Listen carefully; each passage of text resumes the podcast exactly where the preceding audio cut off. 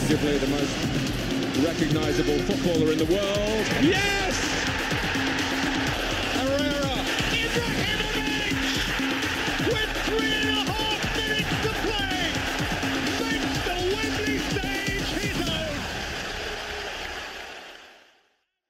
Jumpa lagi di Cigarette After Score Podcast. Wuhuhuhuhuhu. Akhirnya ya Hmm. setelah seminggu kita eh, Team of the Week kemarin ya. Yoi, Team of the Week kayaknya dua minggu yang lalu ya. Kemarin sempat ada ini ya Cup ya. international break International break. dan UEFA Nation League yang kurang penting itu. kurang penting dan memang gak rame gitu. bener bener bener bener. Dan juga ini ya eh, ngelihat dari international break kemarin itu banyak gak sih yang cedera? Yang cedera kemarin tuh Kingsley Coman Oh Kingsley Coman ya di di, di, itu ya, Prancis. Di Prancis. Timnas ya. Prancis, sisanya nggak tahu. Nah, nggak tahu tuh. Sisanya nggak tahu. Tapi kita mungkin eh, nggak terlalu ngebahas tentang injury ya, soalnya kita baru ditinggalkan ya. Betul. eh, jagat sepak bola itu bersedih gitu kan eh, karena meninggalnya Diego Armando Maradona Betul. begitu. Jadi sebenarnya ini agak nano-nano ya. Eh, mungkin publik tuh terbagi dua gitu. Ada yang nggak suka sama Maradona dan juga ada yang suka nih. Kalau Ucup nih termasuknya gimana nih? Kalau ngelihat Maradona gitu. Maradona itu kalau buat saya Pak Eko saya melihat seperti sesosok yang ini model pionir Oke, seorang role model lah betul. bahkan dari apa ya mungkin kalau dari Maradona itu Hmm, selain dari sisi sepak bolanya dia itu menghadirkan sebuah budaya baru hmm, dalam sepak bola hmm, terlepas itu dari pop culture-nya hmm. dan kemudian dari ini juga s- kita kan selama ini pem- pemain bola itu kan terus berkembang Hmm. regenerasinya terus berjalan Ya. Maradona, Maradona ini menjadi salah satu benchmark yang digunakan oleh banyak pengamat sepak bola untuk melihat bagaimana seorang pemain muda itu bisa dipot, bisa dikatakan berpotensi untuk menjadi pemain berkelas. Betul, betul. Gitu. Contoh Lionel Messi lah waktu juara Olimpiade di Beijing tahun 2005. Hmm. Waktu itu final lawan Nigeria, Argentina menang. Oh iya benar. Messi langsung dinobatkan sebagai the next Maradona di situ. Iya benar benar benar. Gitu. Dan ini ya, maksudnya eh, Messi sama Maradona dulu di-compare abis-abisan. Betul, di Padahal habis-habisan. eh, sebetulnya ketika itu Maradona tuh punya style sendiri. Ya, Sebenarnya kalau Eko sendiri ya eh, nggak terlalu respect awalnya sama Hmm. Maradona karena kan dia tuh apa ya sebagai seorang superstar ya gitu. Walaupun misalnya dibandingin sama Pele, Pele juga kan ada jeleknya ya. Dia tuh Betul. tiap kali nge apa namanya eh, bikin suatu prediksi itu selalu salah biasanya Ya, kayak yang yang paling terkenal tuh ini yang eh, Afrika ak- tim Afrika akan lebih dulu juara Piala Dunia dibanding tim Asia. Padahal kita tahu sendiri gitu tim Asia gela- eh, geliatnya di di Piala Dunia itu sangat bagus gitu, Ya, terutama Jepang gitu. Nah, Maradona sendiri ini eh, tingkah lakunya di luar lapangan kan agak-agak gimana gitu. Ya. Terlebih dia bukan contoh yang baik ketika dia tuh ternyata positif menggunakan heroin ya ya. narkoba-narkoba. Tapi selain itu ya Cup ya, eh, ya mungkin awalnya saya nggak nggak terlalu respect gitu ke Maradona. Tapi pas ya seperti biasa ya, saya orang orang yang melihat eh, segala sepak bola tuh dari layar kaca ya Cup ya, Ah, ya betul. dan juga dari layar HP. Ini ngelihat Maradona tuh jago banget ya ternyata. ya. Wah, emang gila Maradona itu. Iya betul dan di- kayak ngelihat di cuplikan-cuplikan pertandingannya walaupun dia ada tangan Tuhan dan segala macem cuman dia emang apa ya nggak tergantikan lah ya Bah, Cup ya. betul. Bahkan kemarin itu ya Pak Eko, Betul. saya lihat di Instagramnya 433 kalau nggak salah, Iya.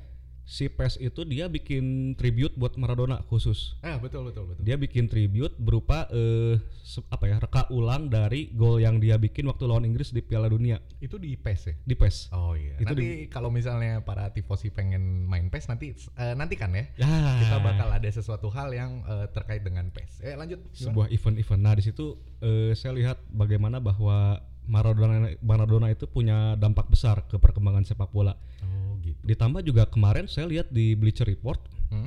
kita kan tahu Bu- Bung Eko kalau misalkan di Argentina itu rivalitas antara Boca Junior dan River, River Plate itu sangat kuat ya, sangat Iya. kental, sangat keras persaingannya. Betul betul. Saya lihat satu cuplikan, satu foto, di situ fansnya River Plate sama fansnya Boca Junior itu Hmm? mereka tuh saling berpelukan, Oh. sama-sama kehilangan seorang sosok ikon gitu. Oh iya. iya, iya. Padahal lucunya gini juga ya, si Maradona tuh kan waktu masih jadi pemain dia tuh sempat main di Boca Junior. Iya, Ta- tapi iya. dia tuh bahkan sampai direspek sama pendukung River Plate yang dimana itu teh musuhnya Boca Junior gitu. Iya, betul betul betul. Itu keren banget kalau buat saya. Mempersatukan seluruh Argentina lah Betul. si Maradona teh. dan ya mungkin eh, River Plate sendiri gitu ya bisa dipandang bagus karena kan eh, secara lebih besarnya gitu ya Argentina itu kan di- dibawa oleh Maradona ya ketika Ya. juara gitu. Betul. Walaupun ya dengan mungkin satu dua dan lain hal eh, b- banyak kontra gitu di sana ya.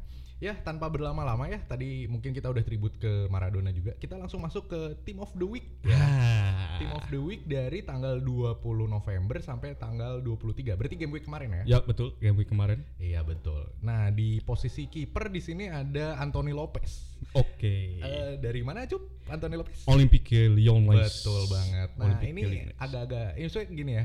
eh, Eko tuh seneng banget sama eh, pemain Portugal sebenarnya cup. Oke. Jadi eh, ya terlebih waktu pas lihat eh, Piala Dunia 2000 eh sorry bukan Euro ya. Oh Euro 2004. 2004 benar. Ketika itu kan Ronaldo ya jadi ikonnya gitu. Walaupun sebenarnya yang banyak ngegolin mah eh, si siapa namanya? Maniche Ya, gitu Maniche. kan. Terus udah Pedro gitu- Pauleta. Pauleta, Pos 3 dan segala macam gitu.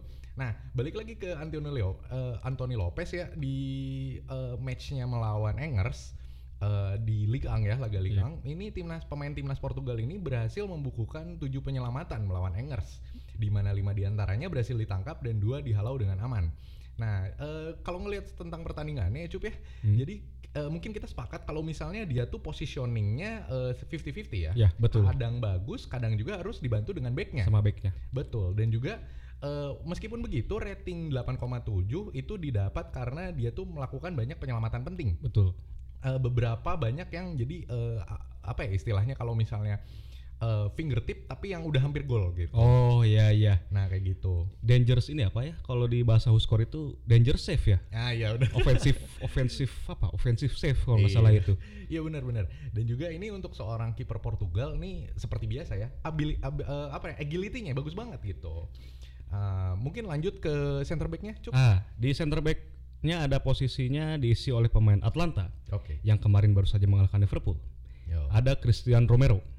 Dia mendapatkan rating 8,4 ketika melawan Spezia. Oh, bu- bukan pas lawan Liverpool ya. Oh, iya, bukan. Ini Bukan. kita ngomongin eh, liga domestik. Betul. Kita ngomongin liga domestik. Nah, di sini Christian Romero itu dia jadi man of the match ketika melawan Spezia Hmm. dengan rating 8,4.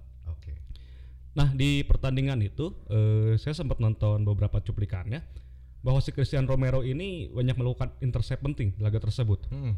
Dia tuh bahkan eh, kalau boleh saya bilang coverage pertahanan yang digalang sama Atlanta waktu lawan Spezia itu memang kebanyakan digalang sama si Christian Romero ini. Ya. Jadi emang si Christian Romero ini dia itu memang udah diincar sejak awal oleh Atlanta ketika dia masih main di Genoa waktu itu. Oh iya benar-benar. Baru Masih- baru musim ini ya? Ya dia baru transfer? musim ini. Hmm. Kemarin kan di Genoa lihat perkembangan permainannya, wah ini menjanjikan gitu. Lihat gaya Betul. permainannya. Ini cocok dengan tipikal-tipikal permainan agresif yang dicanangkan sama si Gian Gasperini gitu. Ya betul betul. Nah ditambah juga eh, Romero itu juga selain soal menggalang pertahanan, dia itu bahkan ini juga pertahanannya itu bisa dikatakan balance Oh gitu. dia tackle tackle bagus duel-duel bola atas bagus kemudian yang paling penting itu dia punya kemampuan yang memang eh, untuk back modern ini rada kurang itu membaca alur serangan lawan membaca Oh. pergerakan lawan gitu Iya terlihat dari interceptnya yang lebih dari 10 ya. ya lebih dari 10 itu Oh, gila. beberapa kali tuh dia motong bola Oh iya iya. iya. bahkan yang saya aneh itu Pak Eko Hmm. Christian Romero ini kan dia pemain Argentina ya Iya iya. tapi sampai saat ini tuh expose buat ke timnasnya tuh masih kurang gitu wah ini rada disayangkan gitu Iya betul betul. Mungkin ini juga sih Cup, mungkin eh, Genoa dan eh, Atalanta ya kalau saya boleh berpendapat itu memiliki eh, formasi 3 back kan ya. ya betul tiga back Nah, eh, rata-rata itu ya nggak, eh, mungkin minus Otamendi ya. eh, rata-rata di Serie A ini pada bisa gitu Iya. buat main tiga back gitu. Iya. Mungkin ini buat buat pelatih Argentina nih ya. eh, mungkin kalau dengerin juga bisa kan kasih formasi tiga back lah gitu.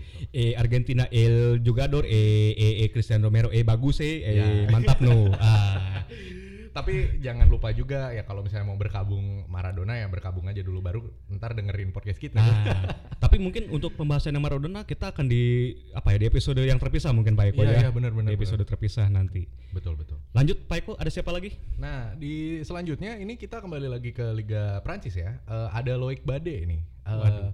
jadi Loic Badé ini adalah salah satu pemain masa depan Prancis. Hmm. Eh, dia jadi gini ya di di team of the week kita itu selalu ada pemain Prancis yang jadi eh, center back bagus. ah gitu. iya betul. Mungkin ini eh, who's court ini Pro Liga Prancis. Pro Liga Prancis dan juga menjadi eh, apa ya kayak inilah eh, cheat sheetnya gitu ya Ya. buat eh, apa namanya pelatih Arsenal. Ya emang dari dulu kan trennya gitu ya Pak Eko ya. Betul. Pemain-pemain apa eh, pelatih-pelatih Arsenal atau klub Arsenal itu sangat doyan sama pemain Prancis gitu. Betul. Nah di di sekarang ini gitu, Loic Bade itu eh, berseragam RC Lens. Dia itu melawan eh, Dijon ya. Hmm. Dijon nih selalu ada di Ligang ya dia. Ya, ya? di Walaupun kayaknya kalau kalau ngelihat di trennya sih dia ada peringkatnya belasan aja Hmm. terus, cuman ya terus aja di situ gitu. Dengan rating 8,7 gitu. Jadi Bade ini berhasil melakukan 4 tackle dan 9 intercept di laga tersebut. Banyak juga ya. Betul. Walaupun tidak lebih banyak dari eh, siapa tadi Christian Romero. Ya, Christian gitu. Romero. Dan juga dia tuh sukses memenangi 5 duel udara dari 8 percobaan. Ini dilihat dari posturnya aja yang 191 cm gitu loh.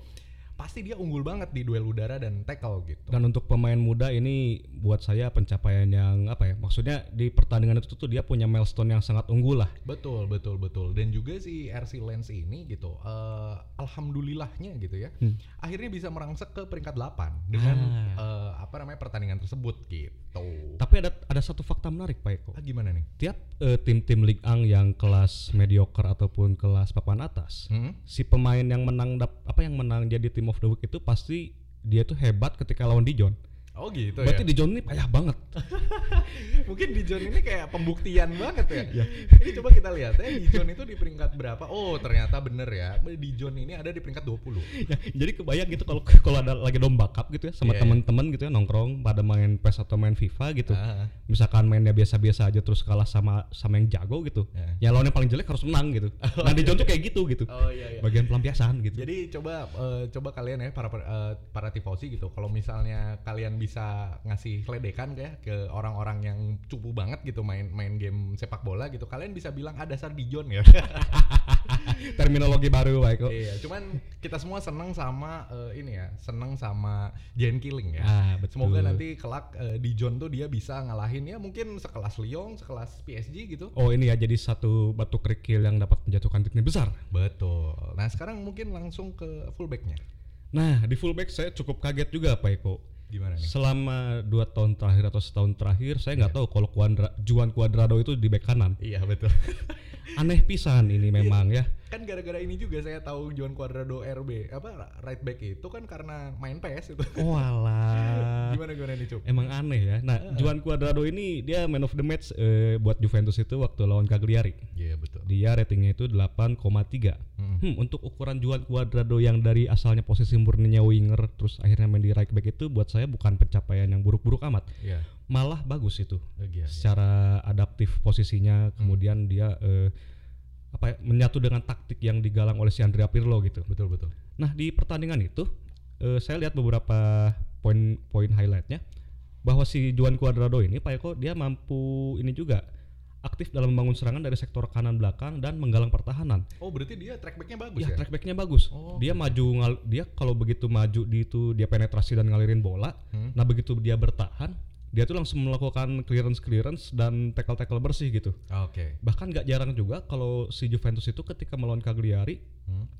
membangun serangan dari belakang itu pasti si bola tuh awalnya dari Cuadrado dulu. Oke oke. Karena memang kalau yang saya lihat sih karena dia basicnya seorang winger ya, Iya betul. dia punya visi di situ gitu, Hmm. punya visi dalam membangun serangan gitu. Dan mungkin manajer juga ngelihatnya ada lubang yang ditinggalkan di sektor kiri pertahanannya Cagliari. Ya mungkin Iya betul, Makanya gitu. Pirlo eh, akhirnya ngambil bagian kanannya Juventus untuk menyerang gitu. betul. Ini kalau lihat si Cuadrado ini mirip-mirip Stefan Lichtsteiner waktu dulu.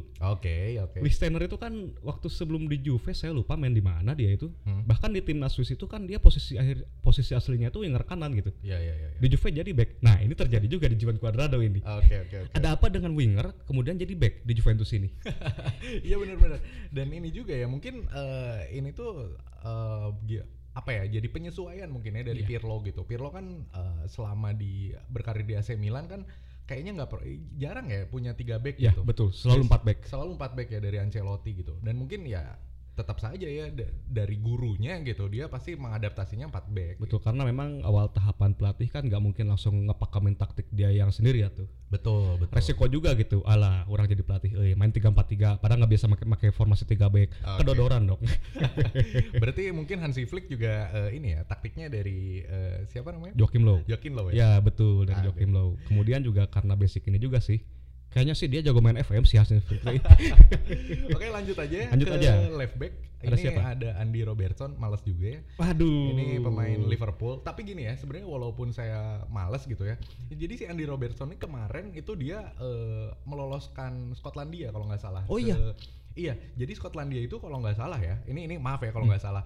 Jadi kemarin itu dapat milestone. Andy Robertson kan jadi eh, apa namanya? Jadi kapten ya di, di Skotlandia. Oh iya Betul. iya iya. Dan di laga Nation League itu kan sistemnya yang eh, apa ada degradasi ada Iya. promosi. Kalau nggak salah itu tuh dia tuh ada di yang league keduanya. League Oh. duanya naik ke League 1 kalau nggak salah ya ini atau dari League 3 ke League 2 saya nggak saya agak lupa. Cuman yang jadi highlightnya adalah eh, ternyata Andre Robertson ya orang se apa ya dulu tuh dia bukan siapa-siapa Iya, gitu ya pemain Hull City. Sekarang dia udah ngebawa Skotlandia tuh ke arah yang lebih bagus gitu. Apa karena sejak main di Liverpool? Eh, saya nggak akan ngebahas Liverpool pak. Oh, sebenarnya iya. tadi. Cuman saya harus Betul. ngebahas nih. Eh, jadi Liverpool ini menang ya lawan Leicester. Ah ya. Ini banyak publik yang bilang gitu. Ketika pas tahu eh, apa namanya beritanya kalau Liverpool tuh ditinggal sekitar 9 ya, 9 pemain karena cedera dan Oh Covid. iya iya iya. Nah, ternyata Liverpool ini malah menang 3-0 gitu. Walaupun ada satu gol bantuan dari eh, Johnny Johnny, Evans. Evans. gitu. Tapi si Andy Robertson ini dia sangat-sangat hebat di pertandingan ini gitu. Dia berhasil melepaskan tiga kipas dengan satu assist. Satu assist yang sangat bagus gitu. Dia nendang di dari kiri gitu ya, dari posisi dia eh eh, naturalnya dia langsung ke arah eh, apa namanya? kepala dari Diego Jota. Wah itu ya seperti biasa ya Andy Robertson gitu. Nah, eh, lalu selanjutnya Andy Robertson juga berperang ber- berperan dalam membangun serangan dengan catatan melakukan 96 sentuhan dari lini belakang. Banyak banget. Betul, mungkin kayak Cuadrado juga ya. Iya. Andy Robertson itu mungkin apa ya? s- Ya seperti eh, biasa ya, Hmm. dia tuh attacking fullback lah gitu. Di laga ini juga back berkebangsaan Skotlandia ini memiliki visi yang mumpuni dalam hal menyerang dan bertahan. Dia berhasil melakukan 4 clearance di pertandingan itu. Mungkin hampir mirip kayak eh, Cuadrado ya. Iya, mirip-mirip Cuadrado gitu. Ini taktikal fullback ya. Jatuh-jatuhnya kayak Zanetti nggak sih kalau Bung Eko ngerasain? Eh, mungkin ya, mungkin mungkin iya. Tapi eh, kalau saya sih ngelihatnya kayak Marcelo mungkin ya dulu. Hmm. Marcelo, cuman kalau Marcelo kan dia umpannya bukan umpan yang ala-ala Robertson sekarang gitu, umpan Beckham kan ya kalau Iya. si Robertson tuh.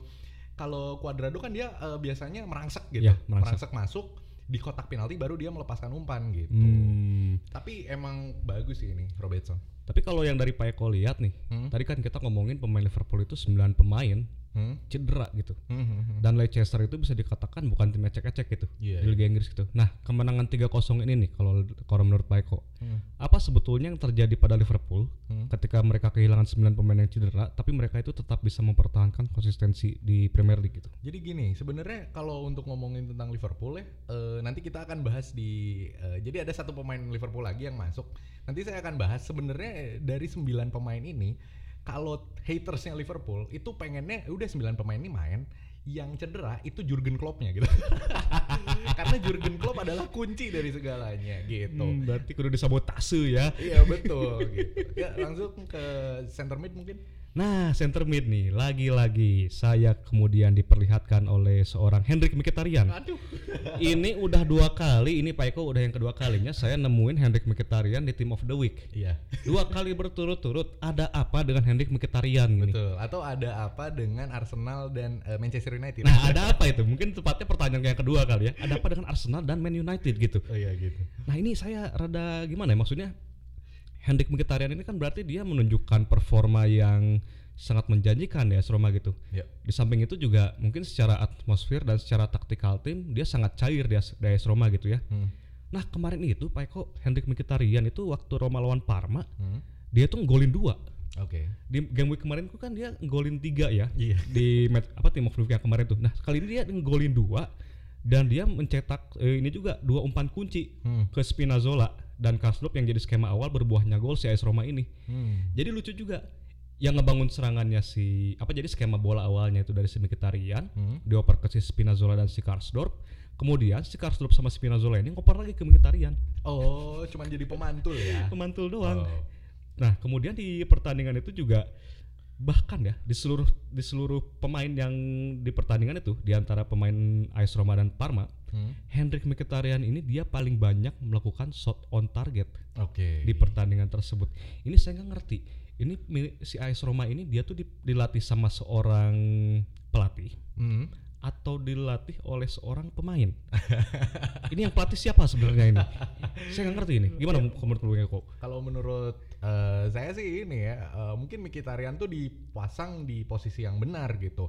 Karena kan se, se- pengetahuan eh, saya gitu, Mkhitaryan tuh kan posisinya right mid ya. Betul. Tiba-tiba di, di team of the week ini dia di plotnya tuh center mid. Mungkin Mkhitaryan, eh, kalau nggak salah sih memang awal-awal di Dortmund itu dia tuh kan center attacking kan ya? Ya, saya- center maksudnya dia CM. ba- basically-nya center gitu Hmm. Eh, walaupun dia di attacking gitu cuman eh, Hendrik Mkhitaryan ini karena punya visi gitu harusnya memang yang dieksploitasinya tuh visinya bukan dari speednya gitu Hmm. itu waktu itu mungkin kesalahan dari tim-tim sebelumnya gitu ini juga menutup kekurangannya Edin Zeko yang selama beberapa pertandingan ini agak menurun ya Bung Eko ya. oh gitu ya sekarang eh, strikernya siapa ya Cuk?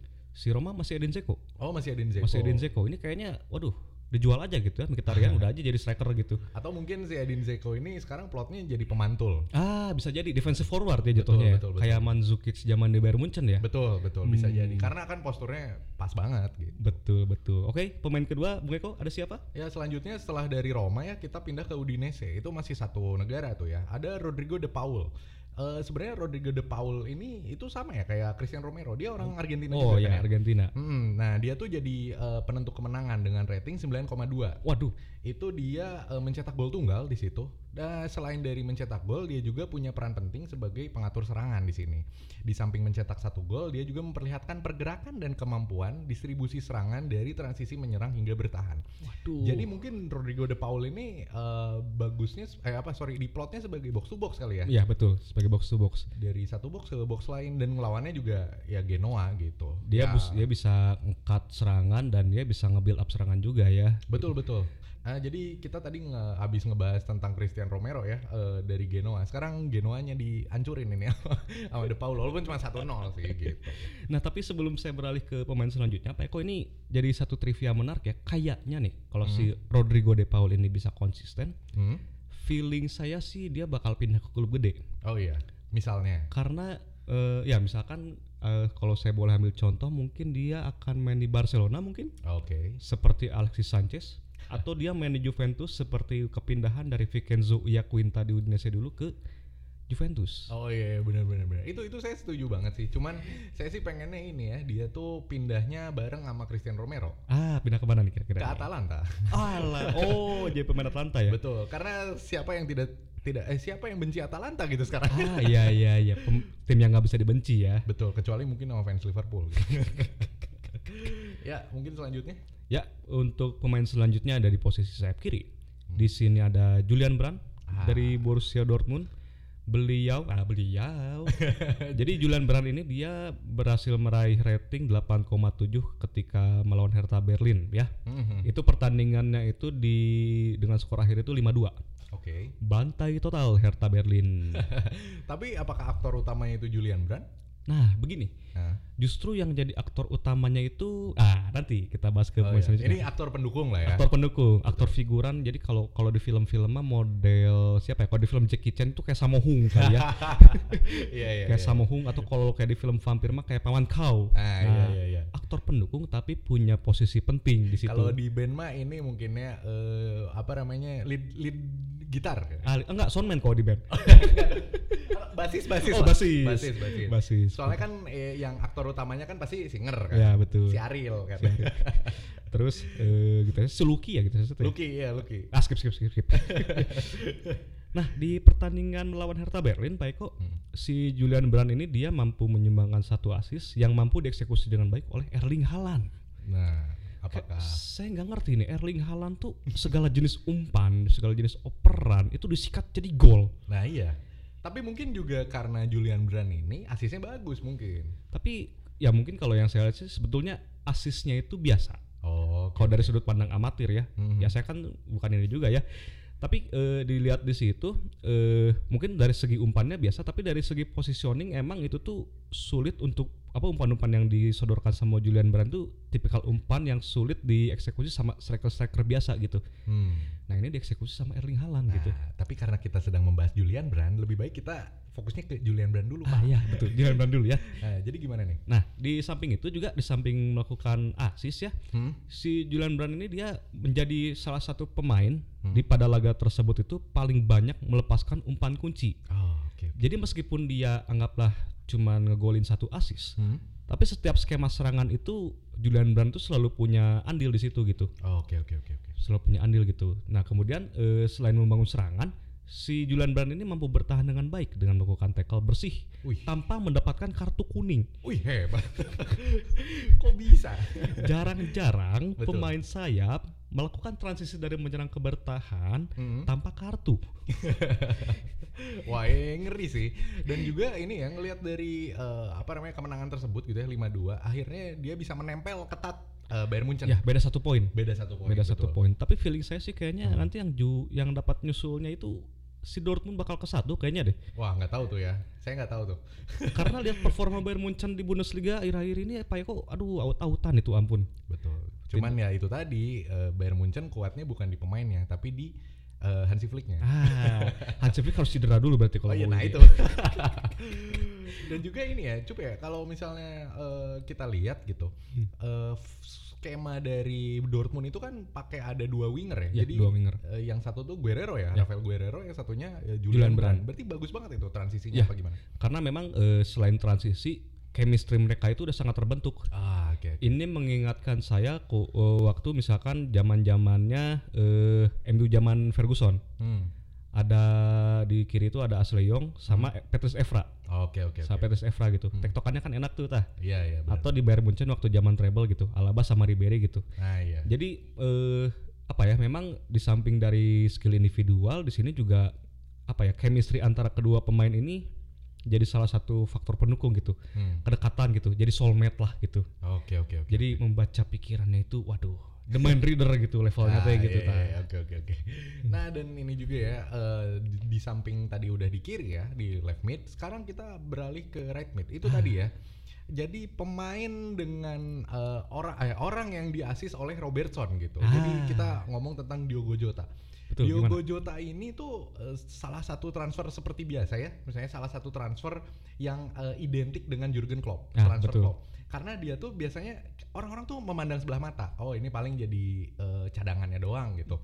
Kayak waktu itu saya inget banget eh, zamannya Sadio Mane Oh iya, Sadio waktu Mane. ditransfer ke Liverpool itu tuh banyak banget orang yang eh, menyangka kalau Sadio Mane itu akan menjadi pelapisnya Coutinho Hmm, ketika itu ya, gitu. betul. Kan udah ada udah ada Firmino kanan di, di- diisi sama Muhammad Salah Ya. sama siapa ya satu lagi Milner ah, sorry sorry ah, pokoknya Muhammad Salah lah.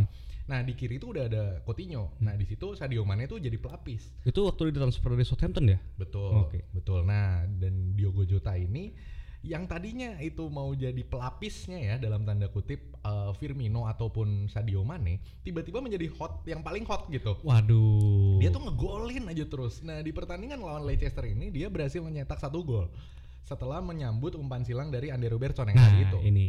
Ya. Nah, lalu dia menjadi salah satu pemain Liverpool yang banyak melepaskan tembakan ke gawang Leicester setelah Firmino dan Sadio Mane. bukan pemain lap bukan pemain biasa Betul, betul banget. Dia banyak banget melakukan penetrasi selama pertandingan. Mungkin karena eh, dia tuh ini ya sudah terlatih waktu sama si eh, Espirito. oh ya pelatih Wolves ya Ya betul, betul. Pelatih Nah, Wolves. Iya. eh, Espirito something lah itu. dia tuh kan kalau misalnya di Wolves kan pakai formasi tiga penyerang gitu ya. tiga Iya, penyerang Striker, left forward, right forward gitu. Di- Diogo Jota biasanya di left forward gitu. Nah, di, di- dan di pertandingan ini gitu dia bisa bertransformasi jadi apapun. Mungkin itu yang diharapkan eh, Madrid kepada Eden Hazard sebetulnya. ah ya ya Gitu. ya, ya. Ketika dia bisa bertransformasi jadi left wing dan juga menjadi left forward gitu. Dan ini belum berhasil Belum gitu berhasil. di ba- di Real Madrid.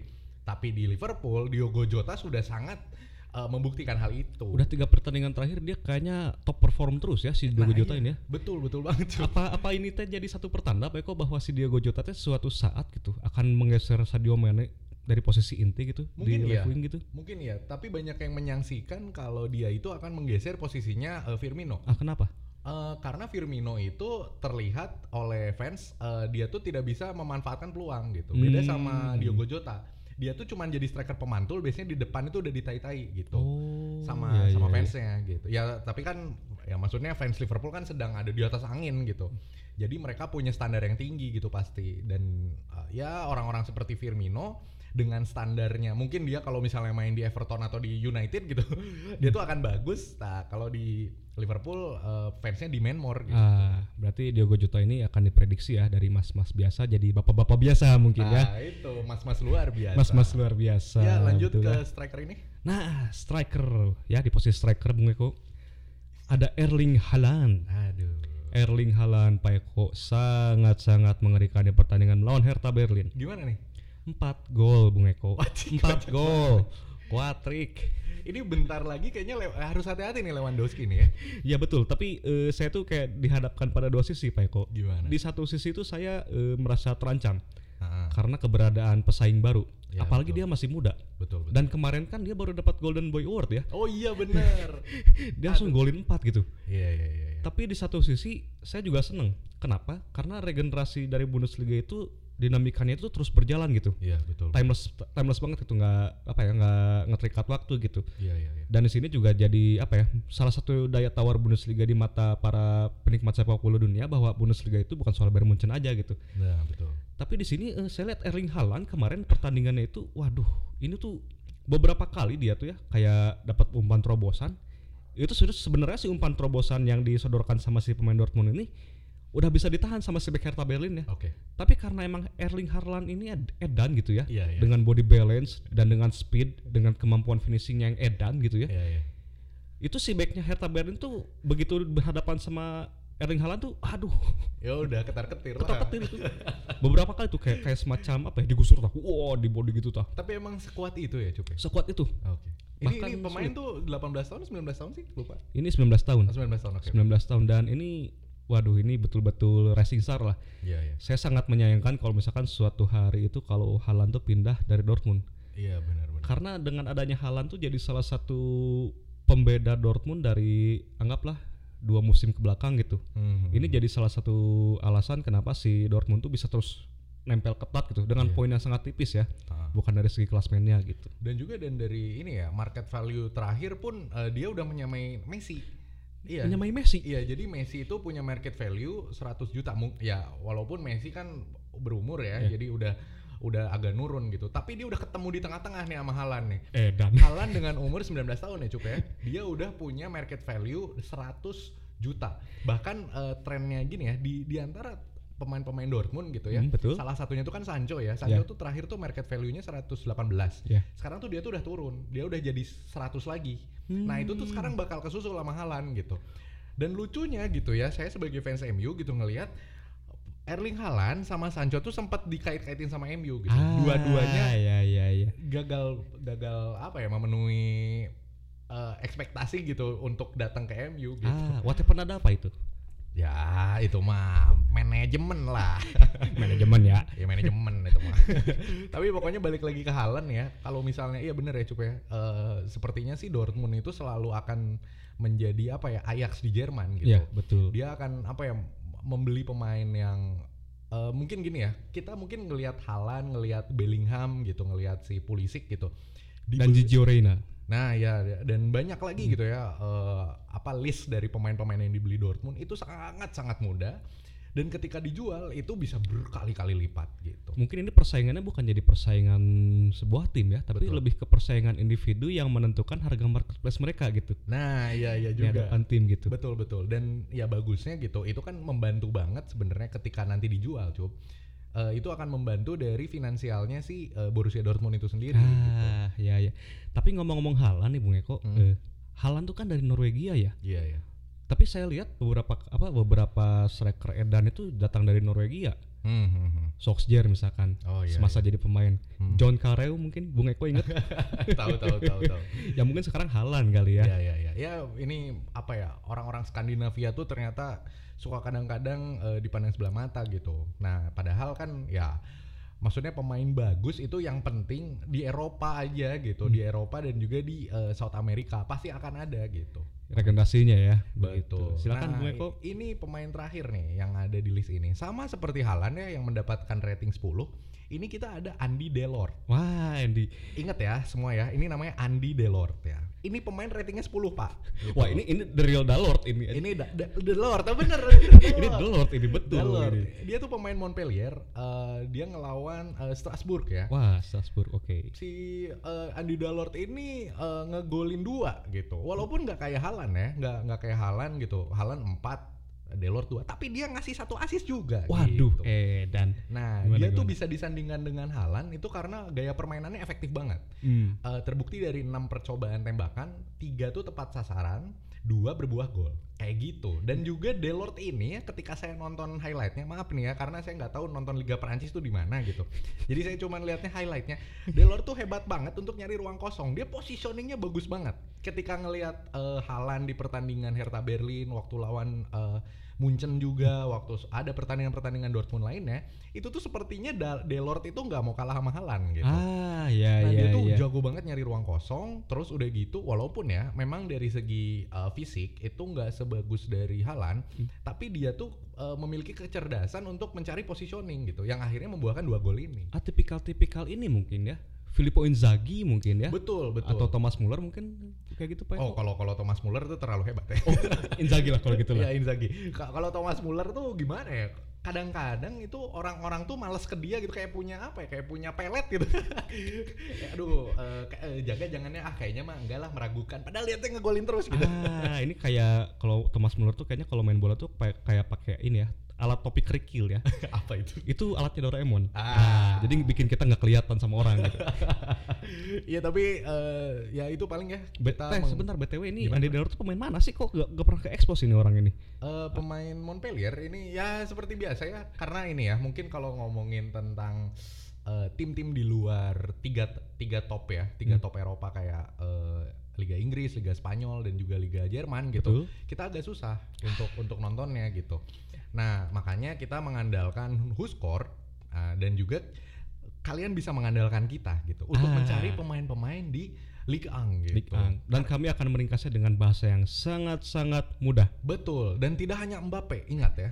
Liga Ang itu punya banyak seperti Bade, terus udah gitu ada eh, si Da- Delort ini gitu. Kemarin-kemarin juga banyak ya, kan ya. ada Kiki Koyate Kiki Koyate, itu Kiki Koyate oke juga tuh. Tapi kenapa nggak masuk lagi ya? Kenapa ya? kenapa mungkin karena lawannya bukan Dijon Nah, iya betul betul. Dan ini kita sudah merangkum ya tadi semuanya ke dalam uh, starting eleven ya. betul Uh, dari mulai mungkin ada yang bertanya-tanya gitu kenapa bisa Juan Cuadrado masuk padahal uh, apa namanya man of the match waktu Juventus Cagliari itu Ronaldo gitu ya karena kita tuh uh, di right back itu Ronaldo tidak di right back Nah, gitu.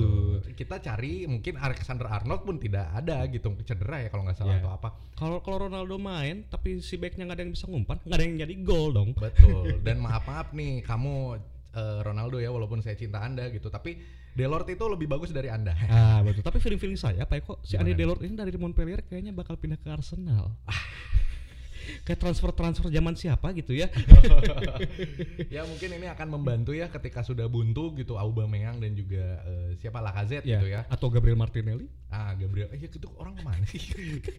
most useless player in Arsenal Ah. Enggak, enggak, enggak. Most useless tuh Iwobi. Semua tuh seneng banget ya. Kalau menurut Ucup nih dari dari starting eleven kita nih, siapa pemain eh, favoritnya Ucup? ah kalau pemain favorit saya Pak Eko di sini ada Erling Haaland Oke, oke, oke. Erling Haaland ini dia kalau bisa saya bilang ini the real the beast ya Hmm, oke, oke. Erling Haaland itu jadi salah satu pemain yang mewakili satu prinsip muda, beda, dan berbahaya. Eh, Karena memang di sini Erling Haaland sangat mumpuni, betul, betul. kemudian dia juga sangat konsisten, Betul. dan ditambah lagi juga dia berhasil meraih Golden Boy Award yang selama ini bu- yang justru jatuhnya itu bukan di Bundesliga gitu. Hmm. Ini sat- jadi salah satu pengharapan bahwa saya sebagai fans Bayern Munchen, sebagai orang yang menikmati Bundesliga itu, Bundesliga diharapkan akan mendapat expose setelah si Haaland ini dapat Golden Boy Award. Nah, begitu. begitu. Kalau Boyko sendiri nih, siapa nih? Kalau eh, dari saya sendiri sih saya milihnya Anthony Lopez ya. Wah, kenapa nih? Eh, Sebenarnya gini ya, walaupun dia positioningnya harus dibantu dengan back, tapi eh, menurut saya itu dia eh, positioning ada back dan segala macam itu kan berkat dia yang eh, mengorganisir pertahanan Ah, gitu. iya, Jadi betul. sepertinya dia tuh sangat kompak ya dilihat dari pertandingan ini dan terlebih saya sentimen terhadap eh, pemain-pemain Portugalnya tuh saya bagus banget gitu. ada kedekatan khusus mungkin ya Betul, Hmm. gitu. Dan tapi selain itu ya, maksudnya dibanding apa ya kiper-kiper di team of the week lainnya gitu, Anthony Lopez itu agility-nya yang sangat bagus gitu. Hmm, Saya hmm. tuh seneng banget kayak misalnya contoh lah kiper David De Gea gitu. Walaupun itu ti- eh, apa ya kiper favorit saya, maksudnya David De Gea dibanding sama Van der Sar itu saya lebih suka De Gea karena Hmm. posturnya tuh dia tuh eh, lebih lebih lincah gitu. Oh, Jadi iya, iya. ibaratnya kayak siapa ya? eh mm, Schmeichel gitu ya. Schmeichel dibandingin sama Van der Sar kan ya walaupun sama-sama tinggi tuh cuman Van der Sar tuh bener-bener apa ya reachable dari si eh, tangannya tuh kan eh, sangat-sangat Besar. luas gitu ha. dibanding sama Schmeichel ya saya lebih lebih seneng sama Schmeichel kayak gitu ya Van der Sar kan tinggi 198 gitu hampir Iya. hampir 2 meter Ya, itu bukan orang anjir itu, Itu bukan orang itu dementor anjir. tapi kiper kalau lihat kiper Lyon dari dulu dari dulu dari zaman Gregory Copet itu Hmm. kayaknya kiper Lyon tuh pendek-pendek ya ya betul Eh, mungkin kiper Prancis mungkin ya, Iya, kiper lebih, Prancis lebih kan. tepatnya Hmm. Bartes terus eh, Gregory Copet Hmm. terus misalkan dulu itu kipernya kiper timnas Prancis tuh ada si Mikel Leandreau Ya, Landreau. Mikel Leandreau terakhir eh, si Hugo Loris Ah. ya rada, rada rada jangkung lah ya Iya iya iya. Mungkin yang tinggi-tinggi tuh harus rada-rada ke kanan ya, Eropa Eropa Timur mungkin. ya Eropa Eropa Timur lah Kayak ya. Panti Limon. Tatarusanu iya betul Tata Rusano. Ya paling segitu aja eh, Team of the Week kali ini. Makasih Betul. banyak yang udah dengerin. Coba share ke teman-teman kalian dong yang pengen tahu dan paling tahu tentang sepak bola, sok boleh langsung diadukan saja mungkin di sini ya. atau mungkin jangan lupa untuk follow Spotify kami Betul? di dan follow juga Instagram kami di siga at sigaret afterscore Ya benar sigaret after score. Sigaretnya S ya, S I G A R E T. Afternya after biasa, skornya S K O R. Itu jadi kita Indonesia Inggris Indonesia. ah betul Nah udah ya, makasih makasih banyak yang udah dengerin. Eh, sampai ketemu di episode sigaret after score lainnya. Bye bye. bye bye